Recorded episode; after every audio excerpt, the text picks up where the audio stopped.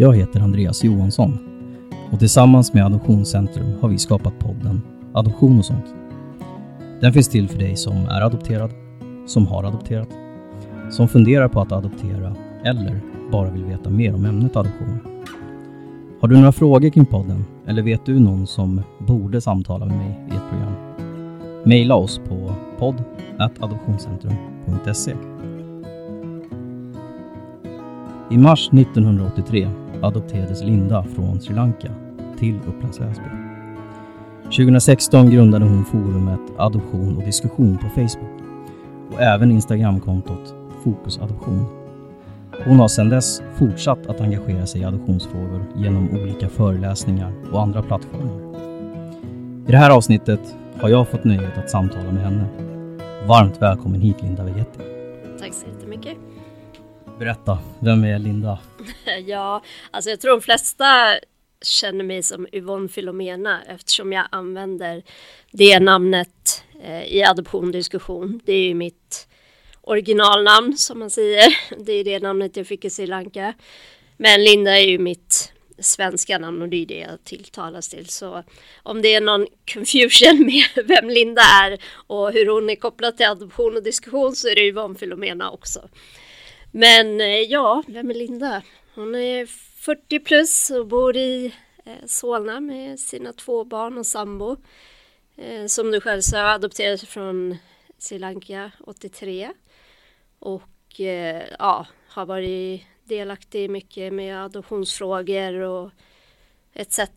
Jag har väl överlag alltid varit väldigt intresserad av frågor som rör barns rättigheter, antirasism, alltså ja, det är mycket av det jag sysslar med längs livet. Det kan man nästan säga en del av mig. Så att, eh, ja. Ja. Det var en väldigt kort saga om vem jag är, men det... ja, och så ska vi, kan vi ju redan nu avslöja att vi faktiskt känner varandra Ja, exakt, så det kommer bli mycket fnitter här. ja, så kan det ju vara. Det brukar vara så när vi, ja. när vi umgås. Ja. Eh, och vi har ju pratat, vi har ju pratat jättemycket om eh, adoption och i och med att vi dessutom är från samma, samma land så har det varit väldigt ska jag säga bekvämt, enkelt. Eh, vi har ju liksom ändå, ja, vi, vi har ju samma land att referera till så att säga. Eller relatera till, säger man. Ja. Eh, så det har varit ganska, väldigt tacksamt för min del i alla fall. Eh, jag hoppas det har varit likadant för dig, men så känns det i alla fall. Och vi har ju pratat lite om allt möjligt när det kommer till adoption. Allt från relationer och det har varit separationer och ja, du, du har ju varit med under mina tuffa, eh, mina tuffa motgångar så att säga, ganska många av dem. Ja eh, men och... exakt, och vi har ju ganska liknande bakgrund också. Mm. Eh, hur vi har växt upp och vissa trauman eh, med det och det har ju också känts skönt. Mm. Inte bara faktumet faktiskt att vi är från samma land utan också att vi delar ja. mycket samma historia och det är inte alltid lätt för att man har ju inte automatiskt samma erfarenhet eller samma åsikter bara för att man är adopterad. Eh, men vi har ju som sagt mycket utöver mm. själva adoptionen från Sri Lanka gemensamt. Så att, nej, det har varit skönt för mig också att kunna bolla vissa ja. saker och hitta någon som förstår. Jag kanske var lite otydlig där. Att det inte bara är att vi är från samma land. nej, men det, det är ju bra grund att börja, börja på. Ja. Det, det, kan, eh, det kan vara mycket, man kan ha mycket gemensamt bara av det faktumet. Ja. Men eh, som sagt, vi har haft tur att vi har haft med gemensamt. Ja, inte tur att vi kanske har gått igenom det, men det är ändå det är alltid skönt att hitta någon som man kan prata med som förstår. Man mm. kan ju mm. alltid berätta saker för folk och de kan ha sympatier, men det är svårt att väcka en dialog med folk som inte har samma erfarenhet. Mm. Det blir ingen så bollplank utan det blir mer sympatikänslor. Ja, och du har ju verkligen varit, eh, för mig så har du varit ett av de faktiskt bästa bollplanken eh, skulle jag säga genom de här, de här sakerna. Och jag, jag, tror det är lite som du var inne på från början, alltså vi, ja, vi förstår varandra. Ja, nej, men det, jag tror det också. Det, mm. Alltså det, jag tycker det är väldigt lätt att prata med dig. Vi har inte känt varandra länge, men just för att vi har kunnat prata så lätt eller lättsamt om saker och ja men du vet, relationen går ju på djupet direkt och då blir man då blir man ju väldigt nära väldigt snabbt det är ju inte ibland antal år som man känner varandra utan det är ju faktiskt ibland vad man kan dela som för en liksom väldigt nära. Så mm. att... Eh, Hur ja. länge har vi känt varandra? Jag börjar fundera. ja, vi lärde ju känna varandra genom Sofia och vi har ju känt varandra ett tag. Eh, men det är inte tre. jättelänge. Ja. Alltså tre år kanske, men alltså, vi har ju inte träffats så många gånger Nej. utan det har ju bara varit liksom att de få gångerna vi har träffats har det varit så himla bra dialoger och, ja. eller när vi har pratat i telefon så att som sagt det känns som längre men det är inte egentligen länge. Nej. Utan... Jag, jag vet att framförallt när, framförallt när min pappa gick bort så var vi väldigt, då, då pratade vi väldigt mycket. Jag tror att du var en av de få jag faktiskt pratade med då. Ja, ja men precis, det var då, för då tror jag det kom många tankar hos dig, vilket mm. det gör när en förälder går bort och min mamma gick ju bort nu strax innan sommaren och det, det väcker ju mycket. Det mm. väcker mycket känslor. Och speciellt om man har alltså oklarheter i mm. relationen tror jag att det blir mycket. Jag hade tur att jag löste mycket av mina problem med min mamma mm. och fick mycket sagt innan hon gick bort. Eh, men jag vet att om man inte har det så kan det bli en väldigt jobbig resa. Ja. Eh, faktiskt. Ja, jag hade väl en del som jag hade önskat att, eh, att hinna säga. Eh, jag var inte riktigt, jag var inte riktigt beredd. Jag var ju liksom, jag bodde i Norge när han blev sjuk. Och sen så när jag väl kom hem och liksom ville ta tag i saker, då, då var han redan dålig. Då var det så mycket som inte gick att, inte gick att säga helt enkelt, som jag hade önskat. Eller jag kunde säga det, men han förstod det inte. Nej. Eh, och det, det, jag tror att det var det som var, var det tyngsta faktiskt. Att mm. inte kunna inte kunna få säga de här sakerna som, som jag ändå hade önskat. Och kanske till och med de här frågorna som jag heller inte hade fått svar på. Eh, var väl också en stor del av, eh, av det hela så att säga. Eh, och där var vi, vi pratade mycket separation eh, då. Ja. Eh, vill jag minnas. Just det här med att känna att det där var liksom det sista, för mig var det ju det liksom, det var den, för att mamma gick ju bort tidigare. Eh, så han var ju liksom det sista eh, länken jag hade där på, på det sättet. Och där mm. var det väldigt mycket just det med separation. Och vi har ju haft båda, båda vi har haft väldigt mycket separation genom livet. Ja, oh, herregud. Det, det är tungt det där. Alltså det, jag blir sådär att jag, jag stänger av. Alltså för mig är det... Jag åkte ju Eh, när min mamma gick bort i, hon gick bort i maj, där, eller hon blev sjuk i maj, hon gick bort i juni. Så, så hade jag bokat in en Sri Lanka-resa. Så att jag, eh, jag åkte iväg väldigt snabbt och stängde av bara och, och var liksom där i nuet. Det kanske man behöver ibland. Eh, mm. fly lite för stunden. Men jag tror att separationer för mig är extremt svårt. Det är väldigt svårt.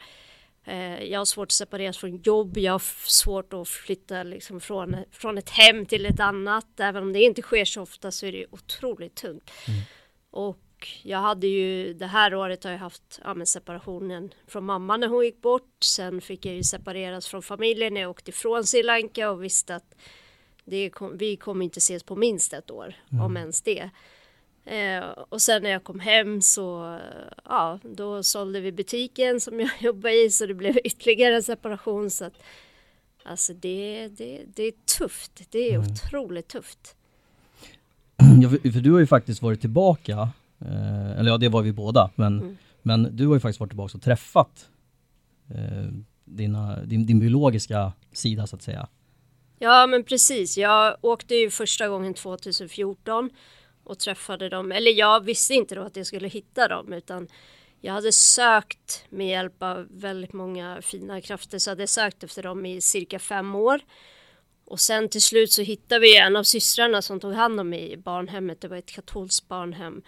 Och hon sa till mig, kom ner, vi ser vad vi kan göra och så tar vi det därifrån. Det är bättre om du är här.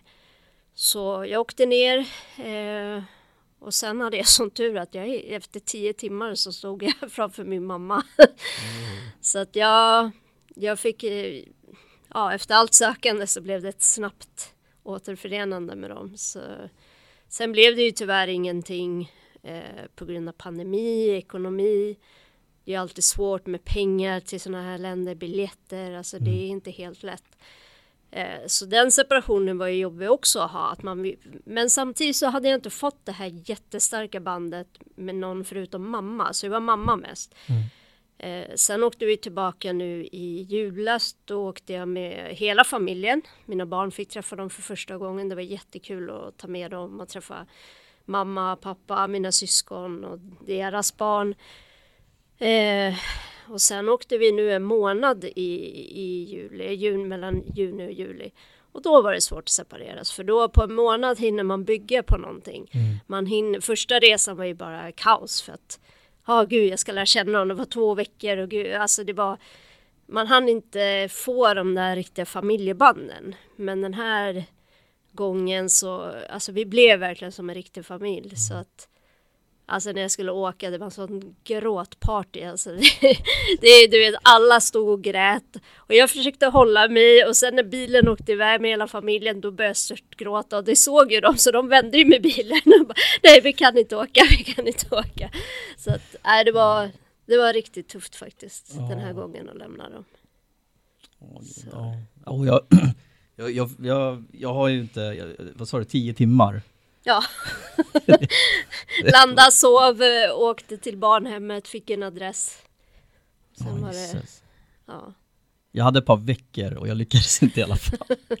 Men jag var ner under, under inbördeskriget också. Ja. Eh, och jag kommer inte ens ihåg dat, årtal här men 2008 mm. kanske, någonting sånt när det var.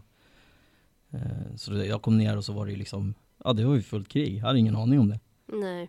Jag trodde att det var nyår liksom. Nej, jag, vet inte, jag, var helt, jag var helt lost på den tiden. Det, det får jag nog erkänna. Ja, nej, alltså det... Jag har haft, och det är jag otroligt tacksam för, mina föräldrar har varit så otroligt noga med alla papper. Jag mm. minns när jag började sökningen, var ju på lankesiska ambassaden i Sverige. Mm. Och när jag gav dem papperna sa det, du ska vara så lyckligt lottad att du har så ordentliga papper. Vi har nästan aldrig sett någon så bra dokumentation.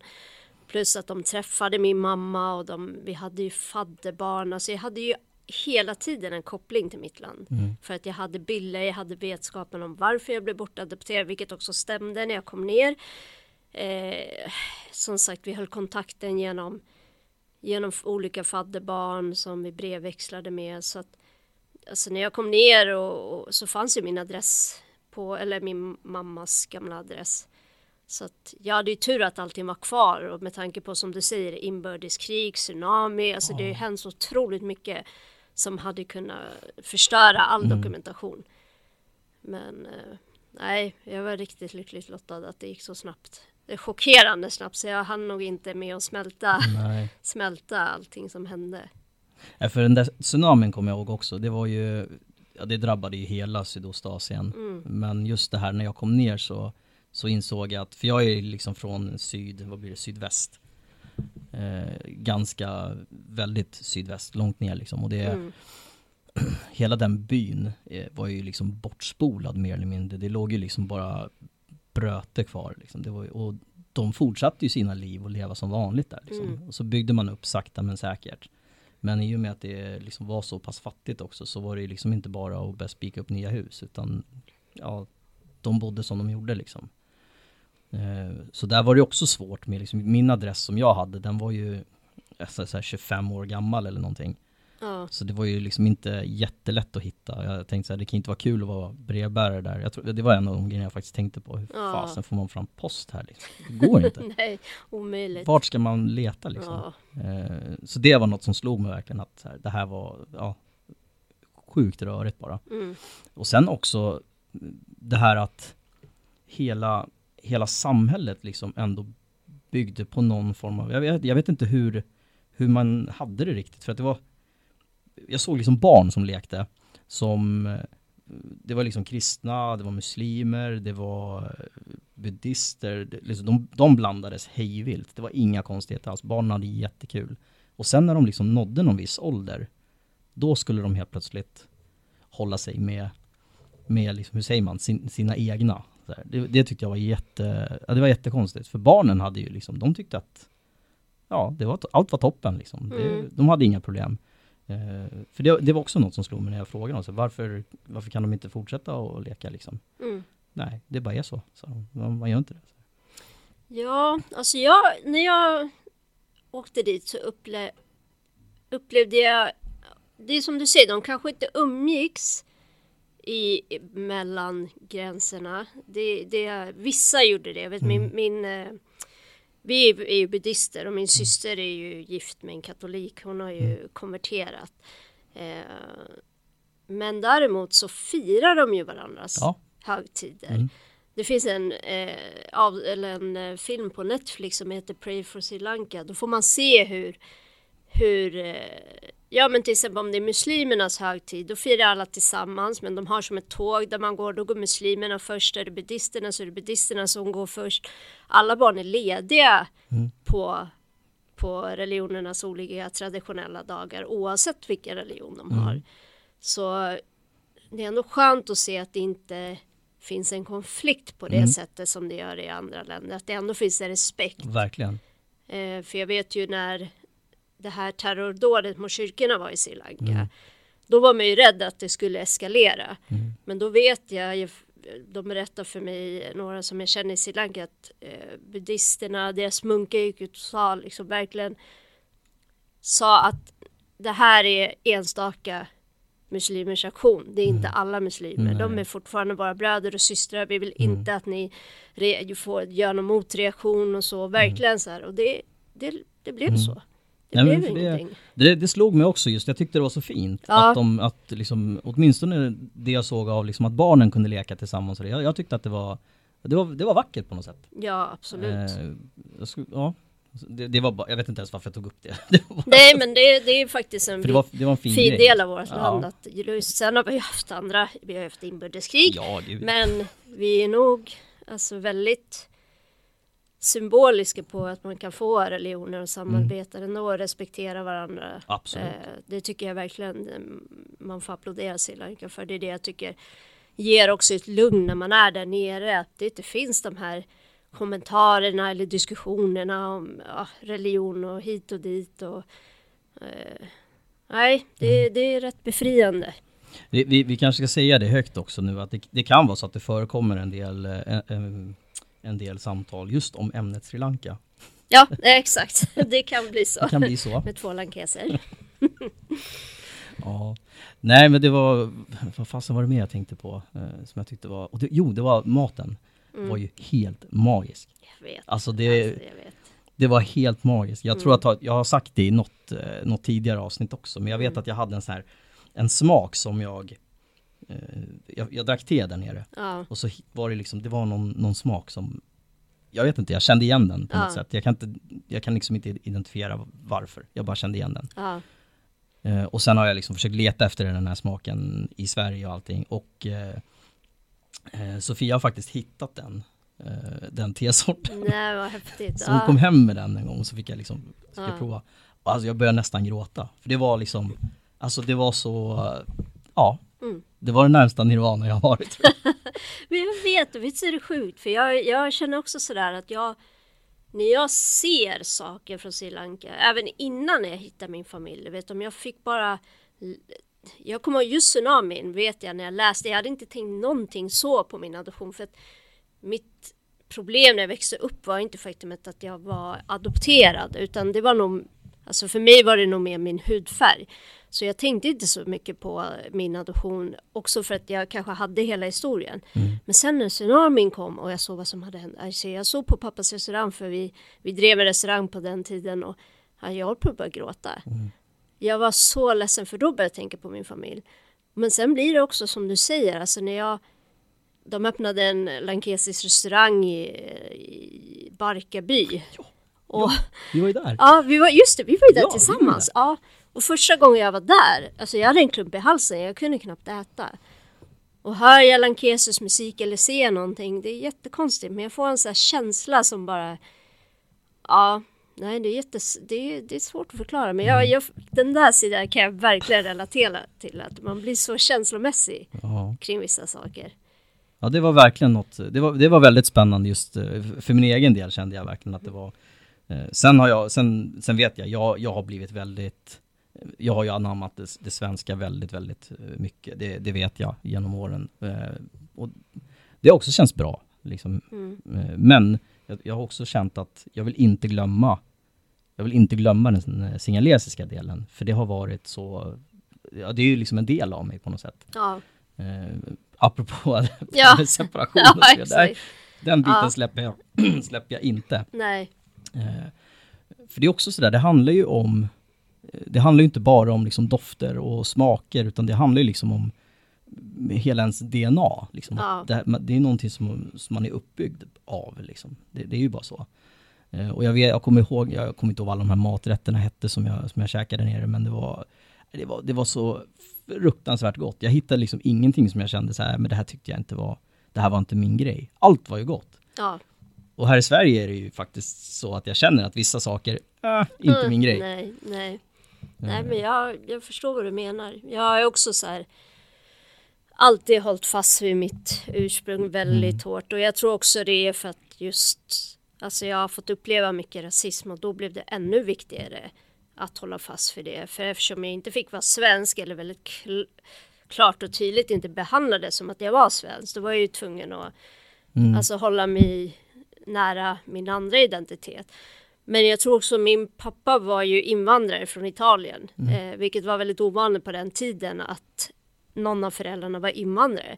Så jag tror att jag har känt mig mer som, jag säger det ofta, som andra generationens invandrare än vad jag har känt mig som adopterad. För jag har varit väldigt osvensk. Vi har åkt fram och tillbaka till Italien, jag är uppväxt med den kulturen, jag bodde där ett tag. Jag är väldigt lik min pappa så att hela mitt sätt är mer italienskt. Vilket också var en fördel när jag åkte tillbaka till Sri Lanka för att jag rotade mig väldigt snabbt Mm. i kulturen. Det kan ju bli väldigt svårt när man är väldigt svensk och bott länge i Sverige, har två svenska föräldrar att helt plötsligt åka tillbaka och stöta på en helt annan kultur och förstå sig på den och förstå sig på normerna och så. Men jag upplevde att jag passade in ganska snabbt och att människor faktiskt inte ens trodde att jag var adopterad. För att jag hade det här i mig. Så att hela den här saken med att vi äldre syskon tar beslut eller alltså ja, mycket traditionella grejer som kanske skulle vara konstigt Mm. för många var inte konstigt för mig för det är samma sak i Italien. Så att det, det har funnits mycket fördelar för mig på det sättet. Att jag har nog ändå varit ganska stark i min utländska identitet. Även om den ofta har varit attackerad så, Mm. så har jag varit väldigt enad med den på något sätt. Mm. Ja, jag, jag, jag vet att när- då när jag, var, när jag var nere på Sri Lanka så var det väldigt tydligt, alltså jag, vart ju, jag var ju behandlad som turist. Ja. Eh, Jag, jag brukar säga det, jag tyckte det var så intressant för att eh, i Sverige så är det, ja hur ska jag uttrycka det då? Eh, I Sverige så har det varit lite så här att jag har varit utländsk tills jag öppnar munnen. Ja, Då, då är folk såhär, ja ja men gud han är ju svensk. Mm, Där nere var det tvärtom. mm, Där var jag ju liksom singales, eller lankes, tills jag skulle öppna munnen. Så då, då var det ju liksom tvärtom, så jag stod ju liksom med en fot i, i varje eh, på något sätt. Visste inte riktigt vad jag skulle, för de tyckte ju liksom att nej, men, du är ju inte, du är inte härifrån, ja, du ser ut som oss, fast Mm. inte ens det. Du klär dig lite mer västerländskt eh, och, och det gjorde jag väl säkert. mm, Eh, jag tror att jag hade väl aningens eh, dyrare kläder och sådär än vad, än vad de hade som jag, som jag var runt just då i alla fall. mm. Och jag kunde ju ingen cricket, vilket de också påpekade väldigt mycket. Det var tydligen känsligt. Ja. När jag sa, va, jag vet inte, jag kan inte det här. Då tittar de ju så här jättekonstigt på mig. Ja. Och bara, ja. Ja. Men, eh, men jag, ja, alltså det är ju en, det är en kul sport, det är bara det att jag inte förstår. nej precis. De ser roliga ut när de, när de spelar i alla fall. Ja, nej men det är som du säger, man är ju... De pra, det är ju när, precis som du säger, när man börjar prata... I Colombo är det ju lite så här att då finns det ju många som inte pratar lankesiska för deras... Det är lite överklass i Colombo, det är ju det jag... De kunde tro att jag tillhörde överklassen och därav bara kunde engelska för att vissa uppfostrar sina barn med bara engelska språket för att de vill att de ska ja, studera utomlands och så. Så, men eh, när man var på så marknader och sådär och, och de märkte att man inte kunde språket. Ja, då var det så här, jag, var, jag sa, jag fick lära mig att bara, jag vill ha lankesiska priser, I want Sri Lanka prices, I'm Sri Lanka, oh. not tourist prices. Så att man fick ju verkligen så här, ja, jag kanske inte pratar språket, men jag är härifrån. Mm. Och jag vill behandlas som en som är här. Speciellt när det gäller priserna. Ja, ja men så, det är ju så. Ja, jag lärde känna en, en han, var ju min, han var ju min taxichaufför från början. Mm. För att jag tog taxi från flygplatsen och skulle liksom Och det var ganska lång tid, alltså så två och en halv, tre timmar bilresa liksom mm. neråt. Så vi lärde ju känna varandra, jag kan inte hålla tyst, jag sitter ju och pratar jämt. Yeah. och sen så kom det fram då att eh, eh, han var väldigt religiös och liksom hela den här biten, så vi pratade ganska mycket om eh, ja, men om religion och ja, vi, vi diskuterade allt möjligt och på tre, tre timmar då hinner jag då hinner jag prata en del. Eh, så vi vart jättebra kompisar och ja. han började ju liksom då, ville hjälpa mig att leta och lite så här. Så det slutade med att jag bodde hemma hos honom och hans familj. Mm, fint. Ja, alltså det var, det var ju verkligen en sån här, en upp, och jag vet att det var, jo jag hade så här, jag hade ju några, eh, jag hade ju några skor som var lite halvslitna. Och så hade vi gått i jag vet inte, vi gick ju runt och letade bland alla möjliga liksom, hus och grejer och så var det, det var väldigt lerigt på något ställe så jag vet att jag trampade ner i någon sån här riktig så här gyttjegrej och så fick jag det på strumporna. Och eh, så när jag kom hem då till, till den här familjen så hade ju då hans fru, jag visste inte ens om det här, men hans fru hade ju tagit de här strumporna, jag hade liksom lagt dem eh, bara på, på mitt rum. Ja. Då hade de gått in och tagit dem när jag sov. Och gått ner och ställt sig och handtvättat dem och stått och skrubbat de här strumporna bara för att liksom, eh, ja. Mm. De kallar det för Sri Lankan hospitality liksom. Och det var ju bara att så här, ja, det är så här det funkar. Mm. Vi tar hand om, om våra gäster. Mm. Och det var jättefint. Jag tänkte ju så här, gud jag, jag kan ju bara köpa nya strumpor. Det är ja, inte, nej. Men för dem var ju det liksom inte, det, det var ju helt otänkbart. Eh, för det är mycket pengar. Mm. Eh, och de hade ju, de hade ju inte alltså, pengar. På vissa ställen i huset fanns det ju inte ens tak. Mm. på den nivån liksom. Det var några ribber som de hade lagt över. Och då sa jag också lite så här, ja men vad fasen om det regnar då liksom? Så här, ja då är vi inte där. Sa han bara. Enkelt. Ja, Okej. Okay, ja. Och där var det också så här, det, det slog mig också, det, liksom uppdelningen som de hade med liksom sysslor och, och allting. När vi män kom tillbaka, ja, jag klassades som man trots att jag var så pass ung. Eh, när vi kom tillbaka, liksom, vi har varit ute, så var det våran, liksom, vi skulle äta först. Det var jätte, jätteviktigt. Ja. Eh, och det vi lämnade, det åt hans fru och barn. Ja. Och jag vart ju helt såhär, nej men gud, nej jag kan inte äta. Det, det går inte, de måste äta först. Mm. För så gör vi liksom. Mm. Och han tittar ju på mig som att jag var ett ufo. Ja. Så, nej, det är klart att ni måste, vi äter först och sen äter de. Liksom. Ja. ja men om jag är, om jag är jättehungrig, ja. Ja, sa han. Och så ryckte han bara på axlarna. Så, ja, då är de också hungriga. Och det, mm. det, det, går inte att äta då. Så jag satt ju liksom först i början satt jag ju och petade ganska mycket i maten och så här, mm. Tog lite grann och sen så bara, ja ta mer, ta mer. Ja okej, lite. Så nu är det bra. Så, så jag satt ju liksom och tittade på på den maten som var kvar och försökte mm. räkna så här, kan, de, kan barnen leva på det här liksom och eh, frun då. Eh, det, det kunde de ju, alltså de, de lagar ju de lagar ju faktiskt väldigt billig mat, även om mm. den är väldigt god så är det liksom väldigt, väldigt billig. Så det är klart att de, de lyckades. Men jag var ju livrädd, för det var så långt ifrån det jag var van vid. Ja. Att eh, där var det liksom att männen går först. Och han resonerar ju så att jo men det är vi som drar in, det är vi som drar in pengarna. Mm. Så vi måste vara starka. Om mm. vi inte är starka så kommer alla dö. Mm. Ja, det är inte helt ologiskt, men jag förstår Nej. vad du menar. Ja. Vi hade inte så i våran familj eh, faktiskt, utan eh, alltså det var väldigt jämlikt. Kanske i min yngsta syster kanske det inte var lika jämlikt, men där var det mer att för att jag är en av de äldre syskonen och för att jag är ändå gäst så var det också så här att de väntade tills vi hade tagit mat och jag blir så stressad så jag ville att vi ska äta tillsammans. Mm. Och det var alltid vi som fick de glasen om det inte räckte. Eh, mina syskonbarn när de fick någonting så gick de ju ner vid mina fötter och tackade och jag bara, mm. nej men gud nej gör ja. inte det. Alltså det känns så dåligt. Och mina barn tittade första gången de såg det och bara vad är det här? Jag bara nu inför vi den traditionen ja. hemma. Så nej men jag samtidigt tycker jag det var bra att mina barn såg, mm. alltså den där respekten som mm. ändå finns. Eh, som inte finns här kan jag säga. Och inte finns av mina barn. Den här hierarkin mellan föräldrar och barn den har ju verkligen minskat. Ibland mm. på ett positivt sätt men mycket också på negativt. Mm. För att det finns inte den här tacksamheten för vad man får, eh, hjälpa till. Alltså, på många sätt det är det som är fint med Sri Lanka, att det fortfarande är alltså byggs på ett samhälle där man måste hjälpa varandra. Mm. Och man måste finnas där för varandra. Och de är otroligt hjälpsamma, otroligt givmilda, mm. otroligt snälla och det spelar ingen roll, nästan så att de fattiga är mer givmilda. Alltså ja. ju mindre, det, det känns som att de ger verkligen allt av sig själv. Ja. Jo men det, det, det håller jag med om, det upplevde jag också, mm. att de var väldigt, väldigt givmilda. Och väldigt tacksamma liksom. Jag, jag vet att det var vid, jag kommer inte ihåg exakt nu, men säg att det var två veckor att jag hade varit där. Mm. Eh, så tyckte jag liksom att jag, må, nu, jag, måste få, jag måste få betala den här människan för att han liksom han, han på riktigt servar mig dygnet runt. Han mm. kör mig vart jag vill.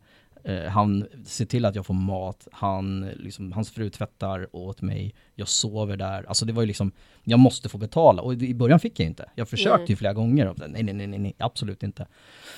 Och till slut vart jag liksom så här, fast nu måste jag, nu måste jag få göra någonting liksom. Mm. Eh, så jag tvingade ju på honom eh, pengar liksom. Eh, och jag var tvungen att säga att det var för liksom, barnens utbildning och sådana grejer, ja. för att han skulle liksom godta det. Vilket han gjorde då efter, efter lite motstånd. Mm.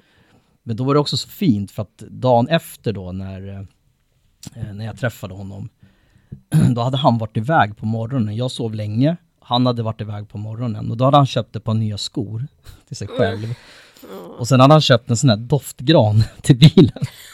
Så. Och en ABBA-skiva. Äh, han tyckte att jag skulle lyssna på något svenskt i bilen. ja men det är ju också det, att de ändå känner till ja. sådana saker. Det kommer jag ihåg att jag såg ett program om det där hur ändå allmänbildade många folk Absolut. från så små byar kan vara och känna till saker. Absolut. Så nej, nej det är fantastiskt alltså. Det det är väl det där liksom som när man sitter hemma och alla i kompisgänget har rejält med pengar men man ska ändå säga ja men du, du ska ge mig 55 och 50 och så kommer man dit och folk som, som du säger knappt har mm. tak över huvudet och har sån otrolig gästfrihet. Mm. Alltså det, ja, nej det Det är fint. Det är jättefint. Eh, och jag vet att det var just där när jag liksom, för när jag skulle åka sen då, det, för att spola fram lite där, när jag skulle åka hem, då, då tänkte jag så här, nej men nu måste jag liksom, jag måste lämna någonting till dem. Eh, mm. inte liksom som en, och jag sa det till honom också, det här är inte en betalning för liksom det ni har gjort för mig. Nej. Utan det här är för att jag vill, jag vill hjälpa er liksom, nu när jag, när jag drar. Det mm. är inte mycket pengar för mig, men det var ju liksom flera månadslöner för dem. Eh, och det var ju också så här, för jag, jag, vet att äldsta, äldsta grabben där, vad kan han ha varit då? Eh, Säg att han var 10, 10-11 år någonting sånt. Mm. Jag frågade honom och så här, ja, men vad vill du bli när, när du växer upp och blir liksom stor? Vad vill du jobba med? Så här. Och då var han, ja men jag vill bli doktor. Så här, det var det som var, mm. han skulle bli läkare. Och, nej, inte TikTok-stjärna eller influencer. Nej, nej, nej. Nej, jag inte det fanns då. jag, jag vet inte när det där TikTok kom, men nej. nej. Nej, men han, han skulle bli doktor, ja. eller liksom, ja, läkare. Och han, eh, det kände jag också var så här, fast han har ju, han har ju verkligen drömmar. Mm. Men när man tittar på hur han växer upp mm. så finns det inte en chans att han blir läkare. Alltså, tyvärr, mm. det, det, gör inte det. De har inte samma system eh, som vi har, att man liksom, alla, ska, alla får gå i skola och alla får liksom möjligheten att läsa vidare och liksom sådana där grejer om man vill. Det finns ju inte där. Nej. Eh, så då, då lämnade ju jag liksom en, en summa till honom och, och sen så ja, hoppas jag ju bara på att, att, det gick, att det gick bra. Mm. Eh, tyvärr så har ju liksom alla de här, liksom, vi bytte ju kontaktuppgifter och allt sånt där, men jag ju sumpade ju den, den telefonen i pastavatten på jobbet. Ah. Eh, och på den tiden, tror jag i alla fall att jag kan säga utan att låta allt för gammal, eh, så var det ju inte det här med att man kunde liksom skicka upp saker i molnet på samma sätt och spara Nej. det. Utan det var ju något litet kort man hade i, i telefonen man sparade allt på och det var ju bara liksom, ja, det var bara sopor av det. Så jag har ju liksom inga, inga uppgifter kvar till dem eller någonting. Eh, vilket är lite jobbigt. Och det var också så här, apropå det här med, med det. Jag tyckte det var jobbigt att åka därifrån. Men jag kände ändå någonstans att jag har i alla fall, liksom, jag har telefonnummer, jag har en adress, vi kan, vi kan fortsätta och, och prata, jag kan åka tillbaka. Mm. Men nu det är så många år sedan och ja, just den där, när jag telefon åkte i pastavattnet, då, då insåg jag att shit, nu är allting borta. Ja.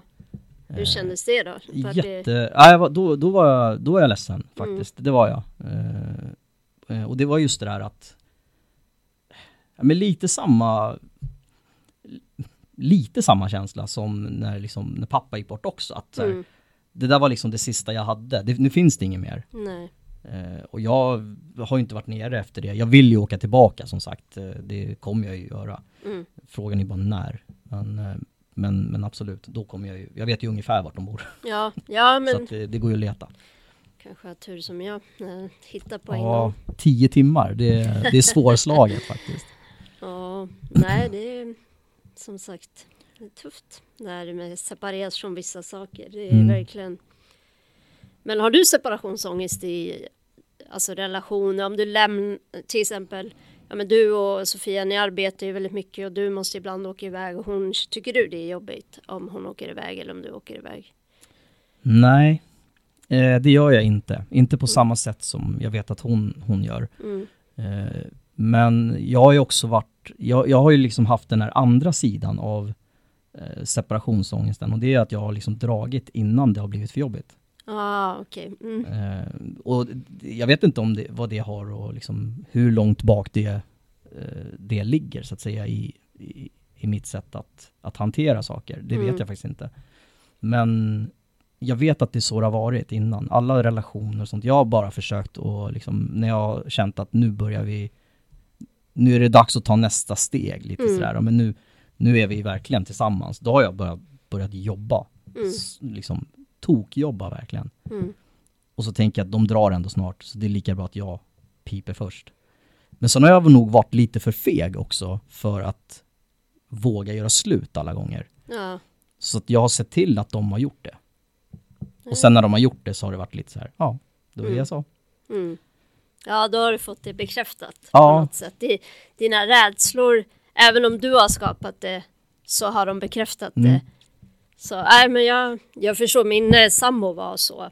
Jag är ju tvärtom. Jag, min separationsångest är ju så stark att jag har stannat för länge i relationer som verkligen inte har varit bra. Eh, för att jag är rädd för förändringar och rädd för att ja, men mista folk. Liksom. Hur, hur dåliga de än är så tycker jag det är jobbigt att förlora människor. Jobbigt att lämna. Så att jag har jag har lämnat en relation i hela mitt liv.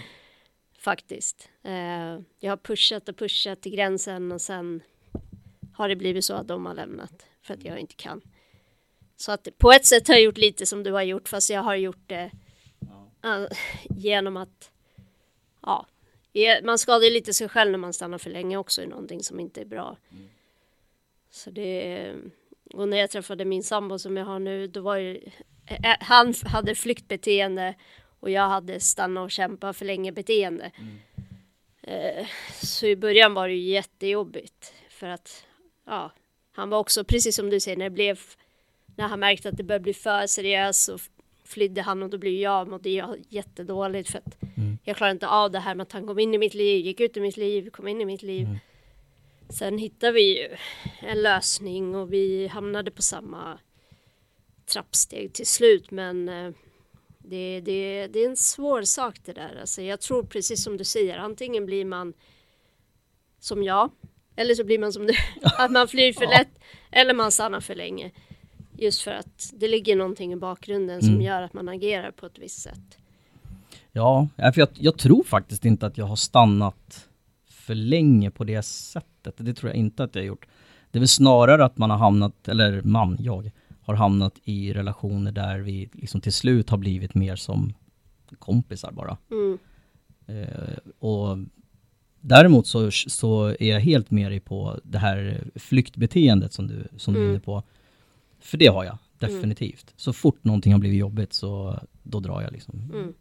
Mm, Som sagt, det var, det, det var nog grunden till att jag stack till Norge. Det var definitivt grunden till att jag stack till Sri Lanka.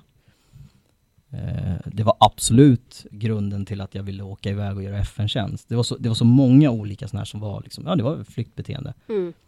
Absolut. Och det, allting var ju liksom, grunden till alla de här sakerna var ju att någonting jobbigt hade hänt eh, här hemma liksom. Mm. Eh, och det enda rätta tyckte jag var att eh, här drar jag, nu drar jag härifrån. Liksom. Eh, Det är ju ändå lite märkligt för att du har ju ändå haft, precis som jag, ett stort ansvar i din familj. mm, Eh, du har fått växa upp snabbt.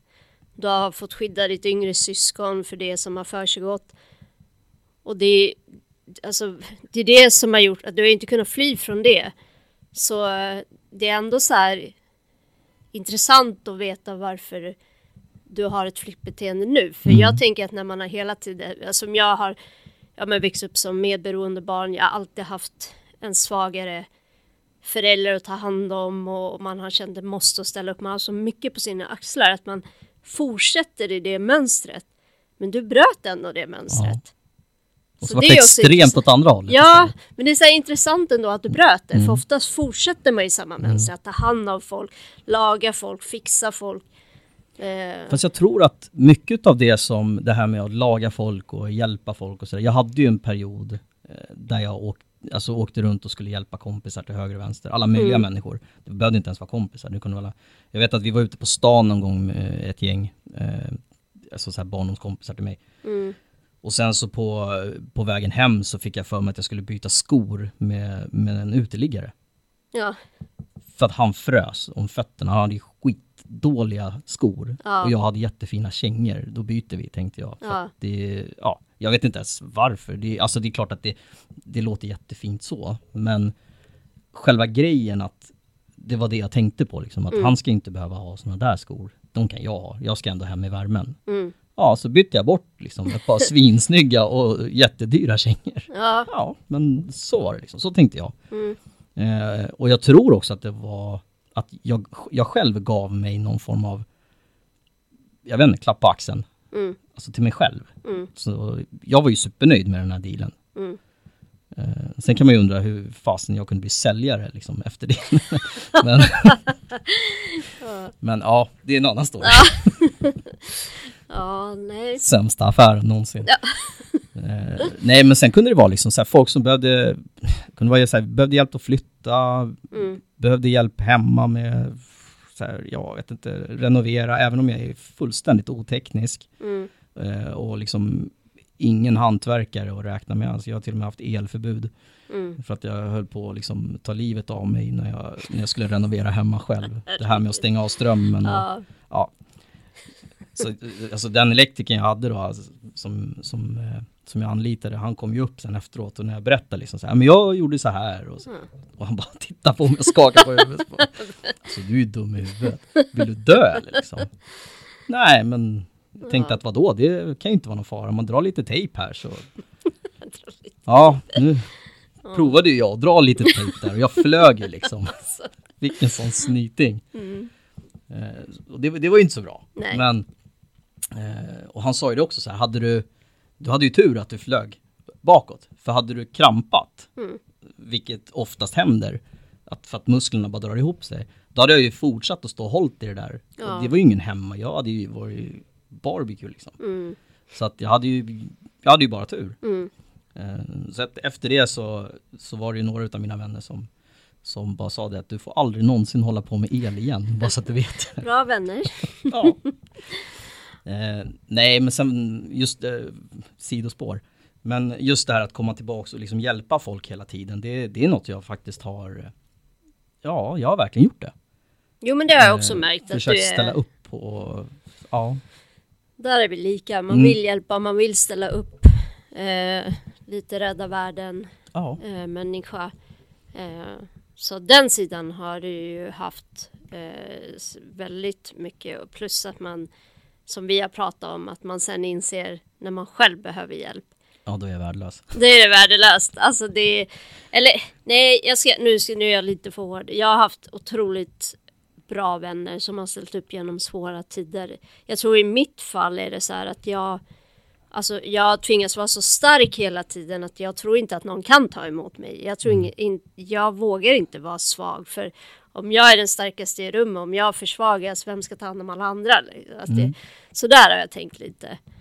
Men, eh, men frå- ja, jag är fortfarande intresserad av varför du fick fick beteendet och varför jag fick Ja. stanna alldeles för länge beteendet när vi ändå har följt samma mönster. Ja.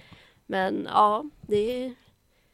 Jag, jag har verkligen ingen aning. Nej. Det, eh, och samtidigt som jag ändå känner liksom så här, jag har ju varit ansvarstagande, tycker jag ändå själv, om jag får säga det. Och Mm. försökt liksom göra rätt hela Mm. tiden. Väldigt plikttrogen, eh, skulle jag ändå säga. Det, det är väl det som många använder när de ska beskriva mig också, att jag är väldigt, väldigt plikttrogen. Mm, Eh, farsan var ju väldigt mycket med det här liksom att man ska kliva upp på morgonen, man ska gå till jobbet och Mm. liksom, ja, hela den biten. Eh, och det har jag ju fått från honom, det, det vet jag. Eh, Ja. eh, Det är en av de, de bra grejerna tycker jag som jag, som jag fick ärva av honom. Eh, men just det här liksom att, nej jag vet inte, Flyk, flyktgrejen vet jag fan inte hur jag ska, eh, hur jag ska liksom, Nej, alltså, den är svår. Ja, och det är som du säger, det är ju inte flykt från att göra dina uppgifter. Nej. Det är ju en känslomässig flykt. Mm. För att som du säger, du är ju du är alltid där för alla, du är ju plikttrogen på jobbet, alltså du går ju all in på allting. Så att eh, nu har jag ju haft en relation med Sofia väldigt länge så nu har ju uppenbarligen den, den biten bearbetats bort. Men eh, nej men det, det är intressant ändå liksom att man varför man får just vissa beteenden. Men jag tror att det kan också vara så att som vi pratade om innan att en grej som också kan bli hos adopterade som har relation det är ju den här tacksamhetsskulden Mm. som de känner som gör att de stannar eller tillåter sig själv bli behandlade på ett visst sätt för att ja, alltså på våran tid så var det ju mycket så här, men gud du måste vara så tacksam att du får Ja. komma hit, tacksam för dina föräldrar, tacksam, tacksam, tacksam. Alltså det var ju som en pränta in i hjärnan varje dag för Ja. tacksamheten. Och då blir det nästan att man går in i en sjuk tacksamhet. Jag ska vara så tacksam att någon är snäll mot mig. Jag ska vara så tacksam att Ja det är sant. så att det kan också kanske påverka adoption eller adopterade i relation att, att Mm. tacksamheten gör att man inte sätter tydliga gränser, tänker jag. Ja, jag, jag, jag har faktiskt inte tänkt så mycket i de banorna. Eh, men nu när du säger det, ja. Eh, det är ingen lögn, alltså jag fick ju höra det massor. Det tror jag vi... Jag, nu vet jag inte hur det är med liksom, hur adopterade idag eh, liksom får, får höra det, men jag vet att jag fick eh, höra sånt mycket, inte från mina föräldrar. Mm. De sa inte till mig att du ska vara glad att vi har dig, liksom att vi har tagit hit dig eller något. Det var inget sånt. Nej, Utan det var ju andra vuxna som, som skulle påpeka att jag borde vara så tacksam. mm. exakt. Eh, ja, det skulle jag säga. Andra vuxna. Mm. Eh, och jag skulle säga så generellt eh, när det gäller liksom rasism och vi var ju ändå inne och nosa lite på det, men när det gäller liksom det som jag upplevt genom åren med rasism och, och såna här saker, det är inte så mycket från andra barn och ungdomar, eller liksom, så, utan varit, det har varit vuxna som har varit värst. Ja. Helt klart. ja, ja, gud, gud. Eh, Och det, det tycker jag ändå har varit eh, anmärkningsvärt ändå att, eh, att vuxna är så, eller kan vara så snarare. Mm. Jag skulle aldrig få för mig att säga något sånt till ett barn. Nej, nej, Eh, alltså det, Men, eh, det, det jag håller med. Alltså jag hade ju först, min första upplevelse av rasist, det var ju en vuxen som eller nu, för engelska, svenska, här, levererar post. Eh, Mm. Vi satt ute, jag och min brorsa, jag var sju och han var tre år.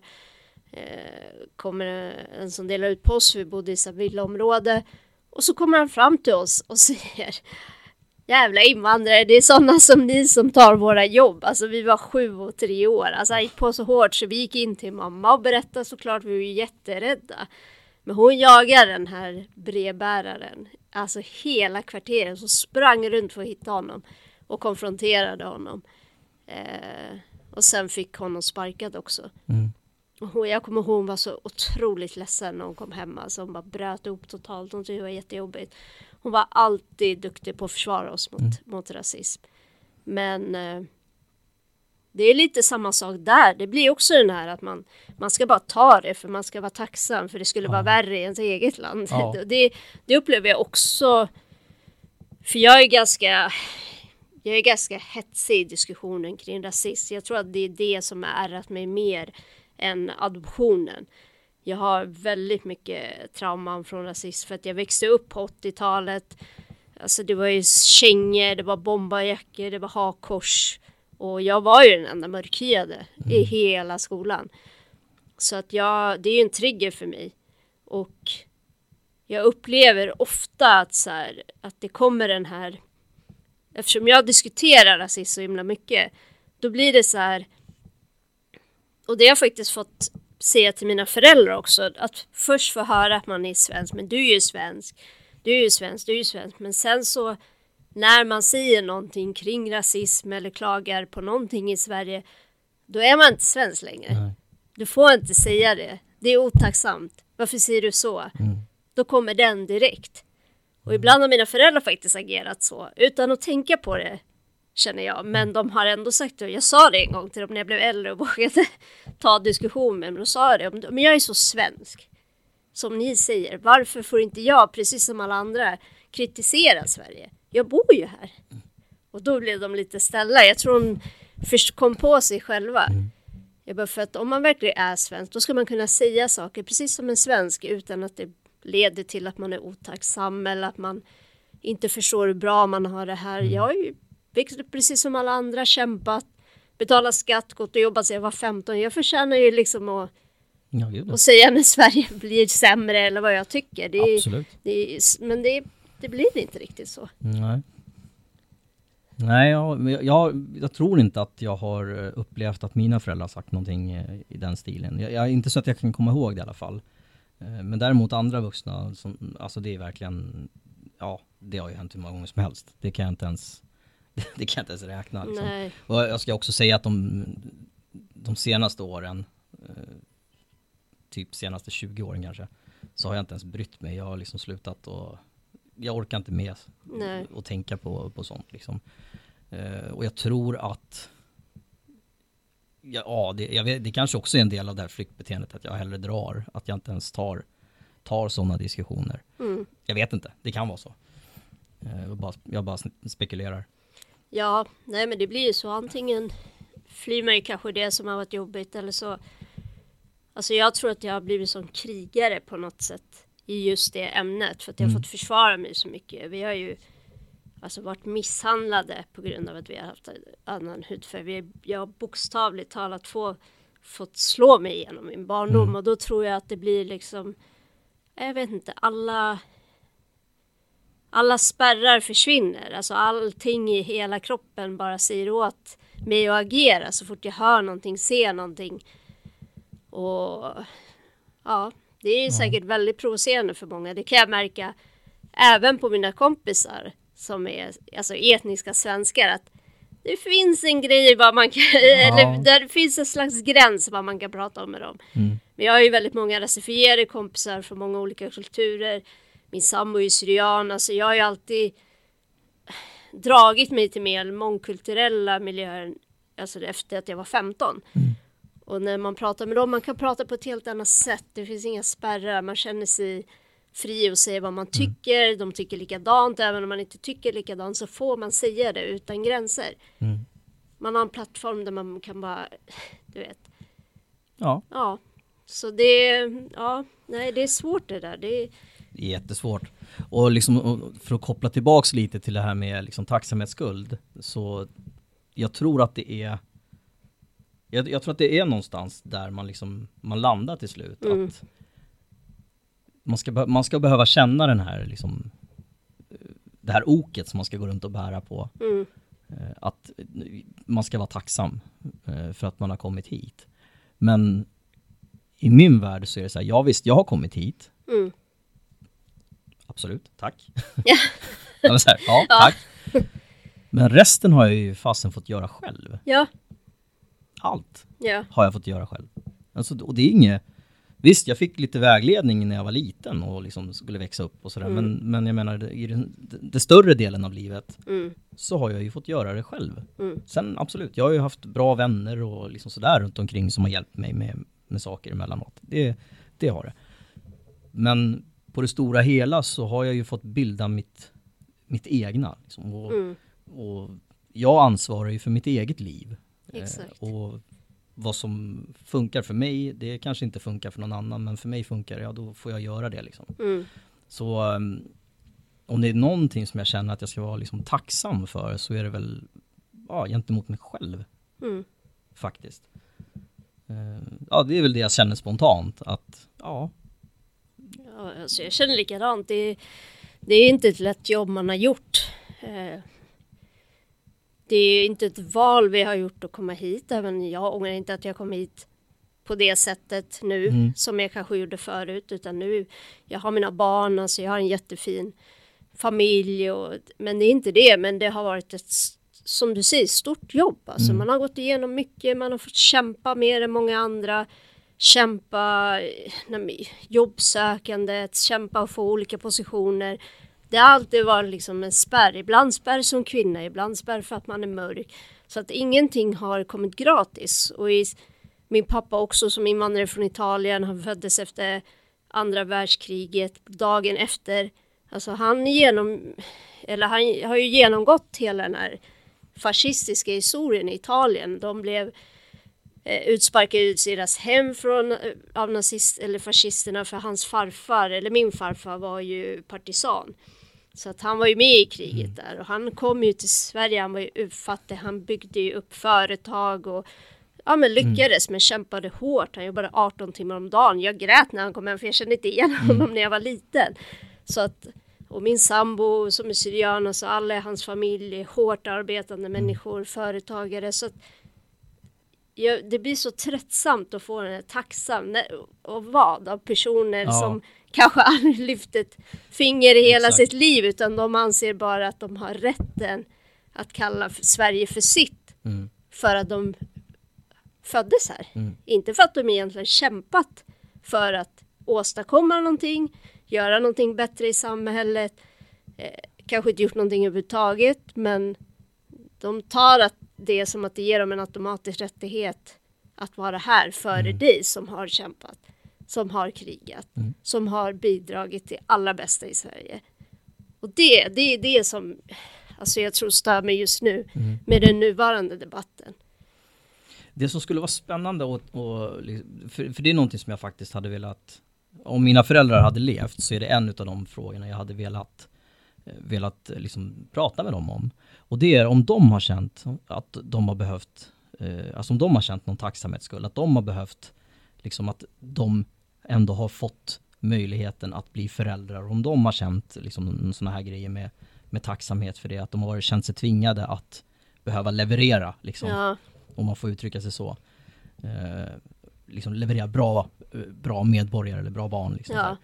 Det är någonting som jag ändå hade velat, om de har känt den pressen. För jag Mm. kan tänka liksom från, från vårat perspektiv så är det ju liksom, det är en sak. mm, Eh, men jag tänker just det, föräldrar, föräldraperspektivet, det, det får man ju liksom inte glömma i hela den här, eh, i hela den här diskussionen. För, Mm. för det är också viktigt. Eh, de gör ju sin, de gör ju sin resa ja Eh, absolut. Med liksom, ja, allt vad det innebär. Eh, och allt det här som de tvingas gå igenom in- innan adoption och, och så vidare. Det är ju väldigt, väldigt påfrestande liksom för, för vilken människa som helst. Så, Gud, att, ja. eh, så det tänker jag också är en, en del i hela, eh, i hela diskussionen. Jag vet inte hur du... Jag tror att den här generationens adoptivföräldrar känner otroligt mycket tacksamhetsskuld. Eh, det märker jag också eftersom jag har drivit den här gruppen adoption och diskussion. Att de vill så mycket Mm. för sina barn. Och jag vet att många av oss har haft det jobbigare med vi som går på 80-70-talet, alltså vi som är lite äldre. Vi, men jag har också börjat inse att den generationen var likadan mot biologiska barn. Det var en generation som inte hade den här psykologiska biten. Det var en större hierarki mellan barn och föräldrar. eh, de själva har varit uppväxta med att man sopar känslorna under mattan, man pratar inte om någonting. Vilket skapade trasiga själar, inte bara adopterade utan även biologiska barn. Så jag tror kanske de föräldrar, jag vet att mina föräldrar ville ju att det skulle bli jättebra för att de hade adopterat. Men mina föräldrar var också alltså väldigt unika känner jag när jag lyssnar på andra adopterade i sin insikt med tanke på att det var just på den tiden när det inte fanns mycket kunskap och inte mycket utbildning. Men idag tror jag kanske att det nästan blir lite omvänt, att man mm. försöker för mycket. Eh, ja, vill för mycket och inte kan landa i rollen som förälder för att man är hela tiden stressad över att göra fel. Och det tror jag också gäller för att det är hela det är böcker, det är psykologi, det är utbildningar. Alltså man vill göra allting rätt, man vill, du vet, hur ska jag göra här, hur ska jag göra här istället för att bara slappna av och vara förälder. Mm. Så tror jag att man blir så otroligt påverkad också av den här kritiska vågen som kom mot mm. adoption. Ja, gud ja. Att man är så rädd att ens barn ska också tänka så om, mm. om en själv eller att de ska gå vidare och må dåligt. Men jag tror att jag kommer tycka att det ska bli så intressant att se den här generationens adopterade barn växa upp och hur se hur de kommer känna. Mm. Med tanke på att föräldrarna gör så mycket större jobb, de flesta i alla fall, kring ja, med att läsa på om rasism, att låta dem behålla sina rötter, öppna dörrarna mellan de två världarna. Så men för att gå tillbaka nu, hamna på en annan tråd, men så tror jag att den här generationens föräldrar där väger tacksamhetsskulden tungt. Mm. Att de har fått adoptera. Mm. Det har blivit en stor skillnad där. Mm. Ja, kanske. Jag har som sagt ingen, jag vet inte. Nej. Utan det är bara en, ja, det är bara en tanke som har funnits hos mig liksom att, ja, undra hur det är för dem. Ja. Eh, och sen också just det här att eh, skillnaden på liksom var i landet du, du växer upp. Ja. Eh, eller ja, bor, växer upp. Ja. Det, det kanske också spelar roll. Det, det, skulle vara intressant att se eh, liksom utfallet på det. Mm. Eh, så att det kanske kommer någon sån, eh, någon sån forskning, vad vet jag? Ja, nej men så, ja, jag tycker att jag upplever det. Om man, eftersom jag har drivit grupper med bara adopterade och nu den gemensamma adopterade adoptivföräldrar, då får man ju har man ju fått en ganska stor insyn på vad äldre adopterade tyckte om sina föräldrar mm. och så får man en insyn på vad dagens föräldrar gör i jämförelse. Mm. Eh, och sen kan man inte självklart inte vara för hård för mot våra föräldrar heller, för de hade som sagt inte samma medel, inte samma utrustning, inte samma förståelse, ingen utbildning. Så att jag kan ofta vara väldigt imponerad och fascinerad över att mina föräldrar var så Absolut. duktiga kring många saker eh, och förstod. Jag vet ju min mamma till exempel, hon första skoldagen så kom hon till min klass med saker från Sri Lanka och så fick hon en timme att sitta och förklara mm. varför jag var mörk och hon var vit och varför eh, ja, eller hur jag hade kommit hit och, och ingen i min klass mobbade mig för min hudfärg utan tvärtom, de var ju Alltså de första, så fort jag ens satt på trappan och så är det någon som har kallat dig för något fult? Mm. Så att hon, hon var ju så psykologisk på det mm. sättet. Det var inte alltid de förstod saker men det var ändå så här just också att hon förstod att det var så viktigt att spara saker och mm. hon pratade ofta om Sri Lanka. Hon var liksom inte rädd att berätta om min mamma eller känna konkurrens just där och då så att Alltså hon var ju till och med med i ett tv-program med adoptionskritik på SVT tror jag. Eh, för att det kom ut att det hade varit så baby farms och allting och mm. i Sri Lanka. Så hon berättade att det faktiskt var så. Mm. Och ja, berättade skillnaden mellan hur man skulle genomföra liksom en, en bra adoption och vad man behövde tänka på. Mm. Så hon var väldigt woke på den tiden för att liksom ja. inte ha den utrustningen. Ja, nej det är intressant. Jag, jag, jag har varit inne på just det här med att eh, som föräldrar har idag till exempel med, med, barn som de sitter på Youtube mycket och de sjunger och håller på liksom via, man tittar på mycket, vad är det nu, Babblarna och allt vad det ja. är som, som folk håller på med. Ja. Men, men mina föräldrar, det, och det är någonting som jag faktiskt tycker är fint och det är någonting som som ligger mig väldigt varmt om hjärtat, det var att de sjöng ju för mig. Mm. Varje, Bra. varje kväll Ja. så satt de liksom i sängen när jag skulle sova och så sjöng de för mig. Mm. Eh, ibland var det båda, ibland var det mamma, ibland var det pappa. Liksom. Mm. Eh, och det är någonting som det har gett mig så otroligt mycket. Dels så, så känner jag liksom än idag igen väldigt mycket liksom visor och sånt där från, för, och det var också en del av det här, det här svenska liksom så, Mm. eh, som jag tycker är fantastiskt och jättevackert. Eh, men sen vet jag också att det hjälpte mig otroligt mycket med språket, att Ja. liksom komma in. För när jag kom till Sverige så hade jag precis lärt mig att prata. Jag hade börjat säga liksom de, mina, mina första ord egentligen. Hur gammal var du när det eller? Tror jag jag... Jag var ett och ett halvt. Ah, Okej, då... Så jag hade ja. precis börjat att liksom knysta några, Ah, några små grejer liksom. Eh, På singalesiska då förstås. Så jag fick lära mig ganska snabbt att eh, bara börja om. Men det var inte så mycket att sudda ut som du var, utan det var liksom, ja. Men det vet jag någonting som, eh, ja det kommer jag behålla eh, som ett väldigt fint minne, även Mm. om jag liksom inte kommer ihåg det eh, liksom rent fysiskt för att jag var så pass liten då. Mm. Men, men just det här att, att jag vet att de satt och sjöng för, för mig. Liksom. Och det var Mm. fasen, det var varenda kväll Mm. När man skulle sova liksom. Eh, Så det är ju väldigt så här, ihärdigt och väldigt, liksom, att de tragglade så pass mycket. Eh, idag finns inte den, eller så ska jag inte säga, idag finns ju möjligheten men eh, jag tror också att på grund av att föräldrar generellt är, är så pass stressade, det är mycket intryck, det är mycket med karriärer och allt sånt där. Mm. Att man kanske tar det enklare alternativet med, med liksom paddor och telefoner och, och så vidare. Ja, nej men absolut. Så, ja. så jag är ändå glad för liksom den, den biten jag fick Mm. eh, på så sätt. Så där, ja visst, där kan jag väl känna tacksamhet, men det är inte, det är inte av den nej, det är anledningen mer så här ett fint innan. minne. Ja, men nej, jag Precis. förstår vad du menar och jag, precis som du säger, även om som sagt jag och min familj har haft våra svårigheter och vi har haft tider där vi knappt har liksom umgåtts och haft Mm. en stor spricka. Men vi fick ju jättefina sista år, både jag och mamma, men hela familjen som helhet har vi, alltså mycket förändrades när jag fick barn. Eh, Det här med att göra om och göra rätt Mm. och ja. Eh, Men som du säger, alltså när jag tänker på Alltså speciellt min pappa som jobbade så mycket som han gjorde. Mm. Alltså drev två restauranger. Eh, hade knappt något tid men så fort han var hemma. Alltså vi, ha, vi spelade ju Nintendo tillsammans. Vi är alltid så här Zelda och Super Mario Bros. Så jag kunde ringa honom på restaurangen. Bara, ah, men jag har kommit till den här nivån. Du vet, så, här. så vi pratade. Ah, har du kommit ifrån den här draken? Du vet.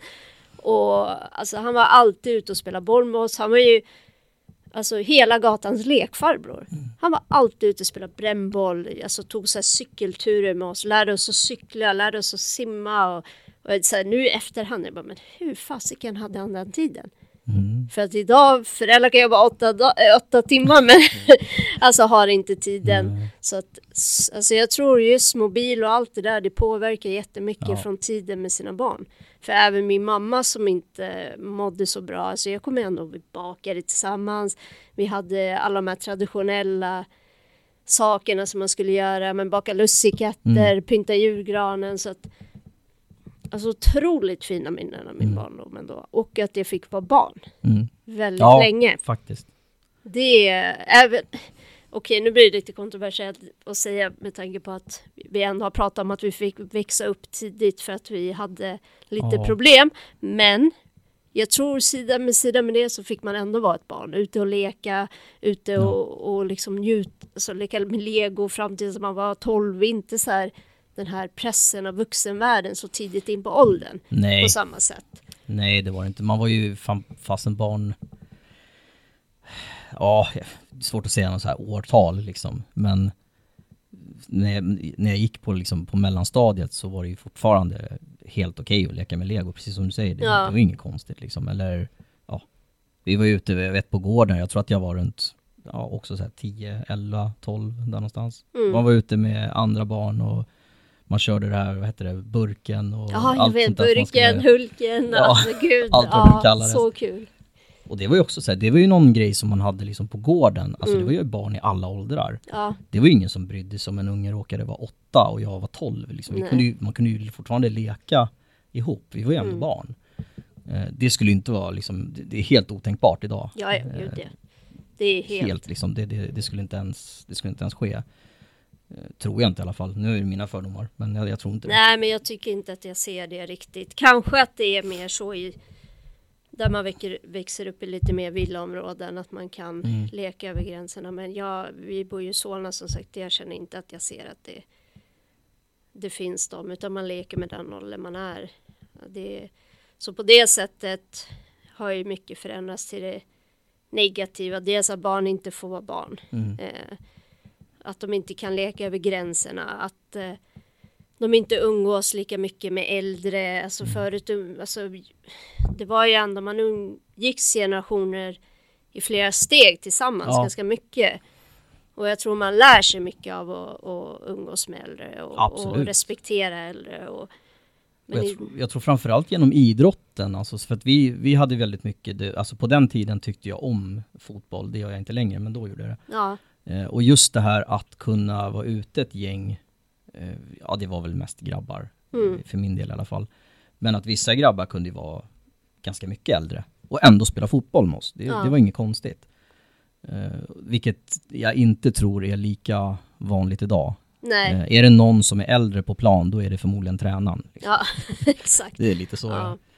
Eh, men som sagt, jag, jag, vet inte, det kan också vara, det kan också vara mina fördomar. Ja, nej men jag tror det har blivit lite mer så. Eh, och det är nog just det här att man försöker vara vuxen så himla tidigt. Och då mm. blir ju någon som är yngre blir ju för ung. Mm. För att man själv vill vara på en så mycket högre ja. nivå i åldern. Så att, men förut, alltså barnsinnet var kvar hos alla. Alltså oavsett om man var 10 eller 14 så hade man fortfarande barnsinnet. Mm. Men om jag kollar på min dotter som är 14 och min dotter som är, hon ska fylla 11 nu. Men det, den ena är ju ett barn mm. och den andra är ju snart en vuxen kvinna känns det mm. som. Så att de går ju inte alls ihop. Alltså det finns ju ingenting längre de vill göra tillsammans eller så. Det är jättetråkigt. Men... Och för några år sedan gjorde de allt tillsammans. Exakt. Ja. Då kunde de ha otroligt kul tillsammans. Mm. Men nu är det bara liksom bråk och irritation och krig. Och ja, oh, gud, det är som att ha två MMA-fighters där hemma. Så det är helt galet. Men uh, ja. Ja. Ja, och nu ser jag nu på, vi har, vi har dragit på ganska rejält med tid här. Jag har faktiskt aldrig haft ett så här långt program. Nej. Eh, så grattis. ja, det kanske fortsätter när vi har stängt av mikrofonen. Jag tror det också. Ja. Men ja, nej, tid, jag brukar säga att tiden rinner iväg. Nu har ja. den redan runnit klart för länge sedan, men det spelar det var, det var trevligt ändå. Ja, ja men eh, verkligen. vi har ju alltid, ja, vi kan ju alltid prata hur mycket som helst, så det det var jätte, jättetrevligt att ha dig här och jättetrevligt att höra, höra din, eh, dina erfarenheter och dina tankar och funderingar kring det här. Och, du får jättegärna, vad, vad hette de nu då? Det var adoption och eh, diskussion. Eh, precis, adoption och diskussion på Facebook. Och sen är det fokus. nej, vänta. Jo, fokus.adoption på mm. Instagram. Jag hade ett Instagramkonto som hette fokusadoption utan punkt, men den blev ju hackad såklart. Ja. Så otroligt ledsamt, för det var så otroligt mycket fina texter, för då ja. hade jag även andra som skrev eh, mm. på det Instagramkontot, föräldrar och så. Men man kan fortfarande gå in och kolla på det kontot och se vad jag har skrivit och se vad andra har skrivit. Mm. Men nu är det fokus.adoption som gäller. Mm. Där. Och där är det bara att lägga till eller följa heter det. Ja, där är bara att följa. Den är Se öppen. Jag, mina kunskaper i Ja, ringa. nej, det där är bara att följa. Adoption och diskussion måste man ju vara adoptivförälder eller adopterad. Mm. Eh, inte som i adoptionsgruppen att man kan vara under process utan man ska redan ha adopterat och eh, man ska vara adopterad. Så att eh, där får man ställa eller svara på lite frågor när man kommer in. Men mm. man är varmt välkommen. Snyggt. Mm. Ja, Supertack då, ja, för att jag själv. fick komma hit och chattra med dig ja. utöver allt annat chatter vi chattrar. ja, jättetack.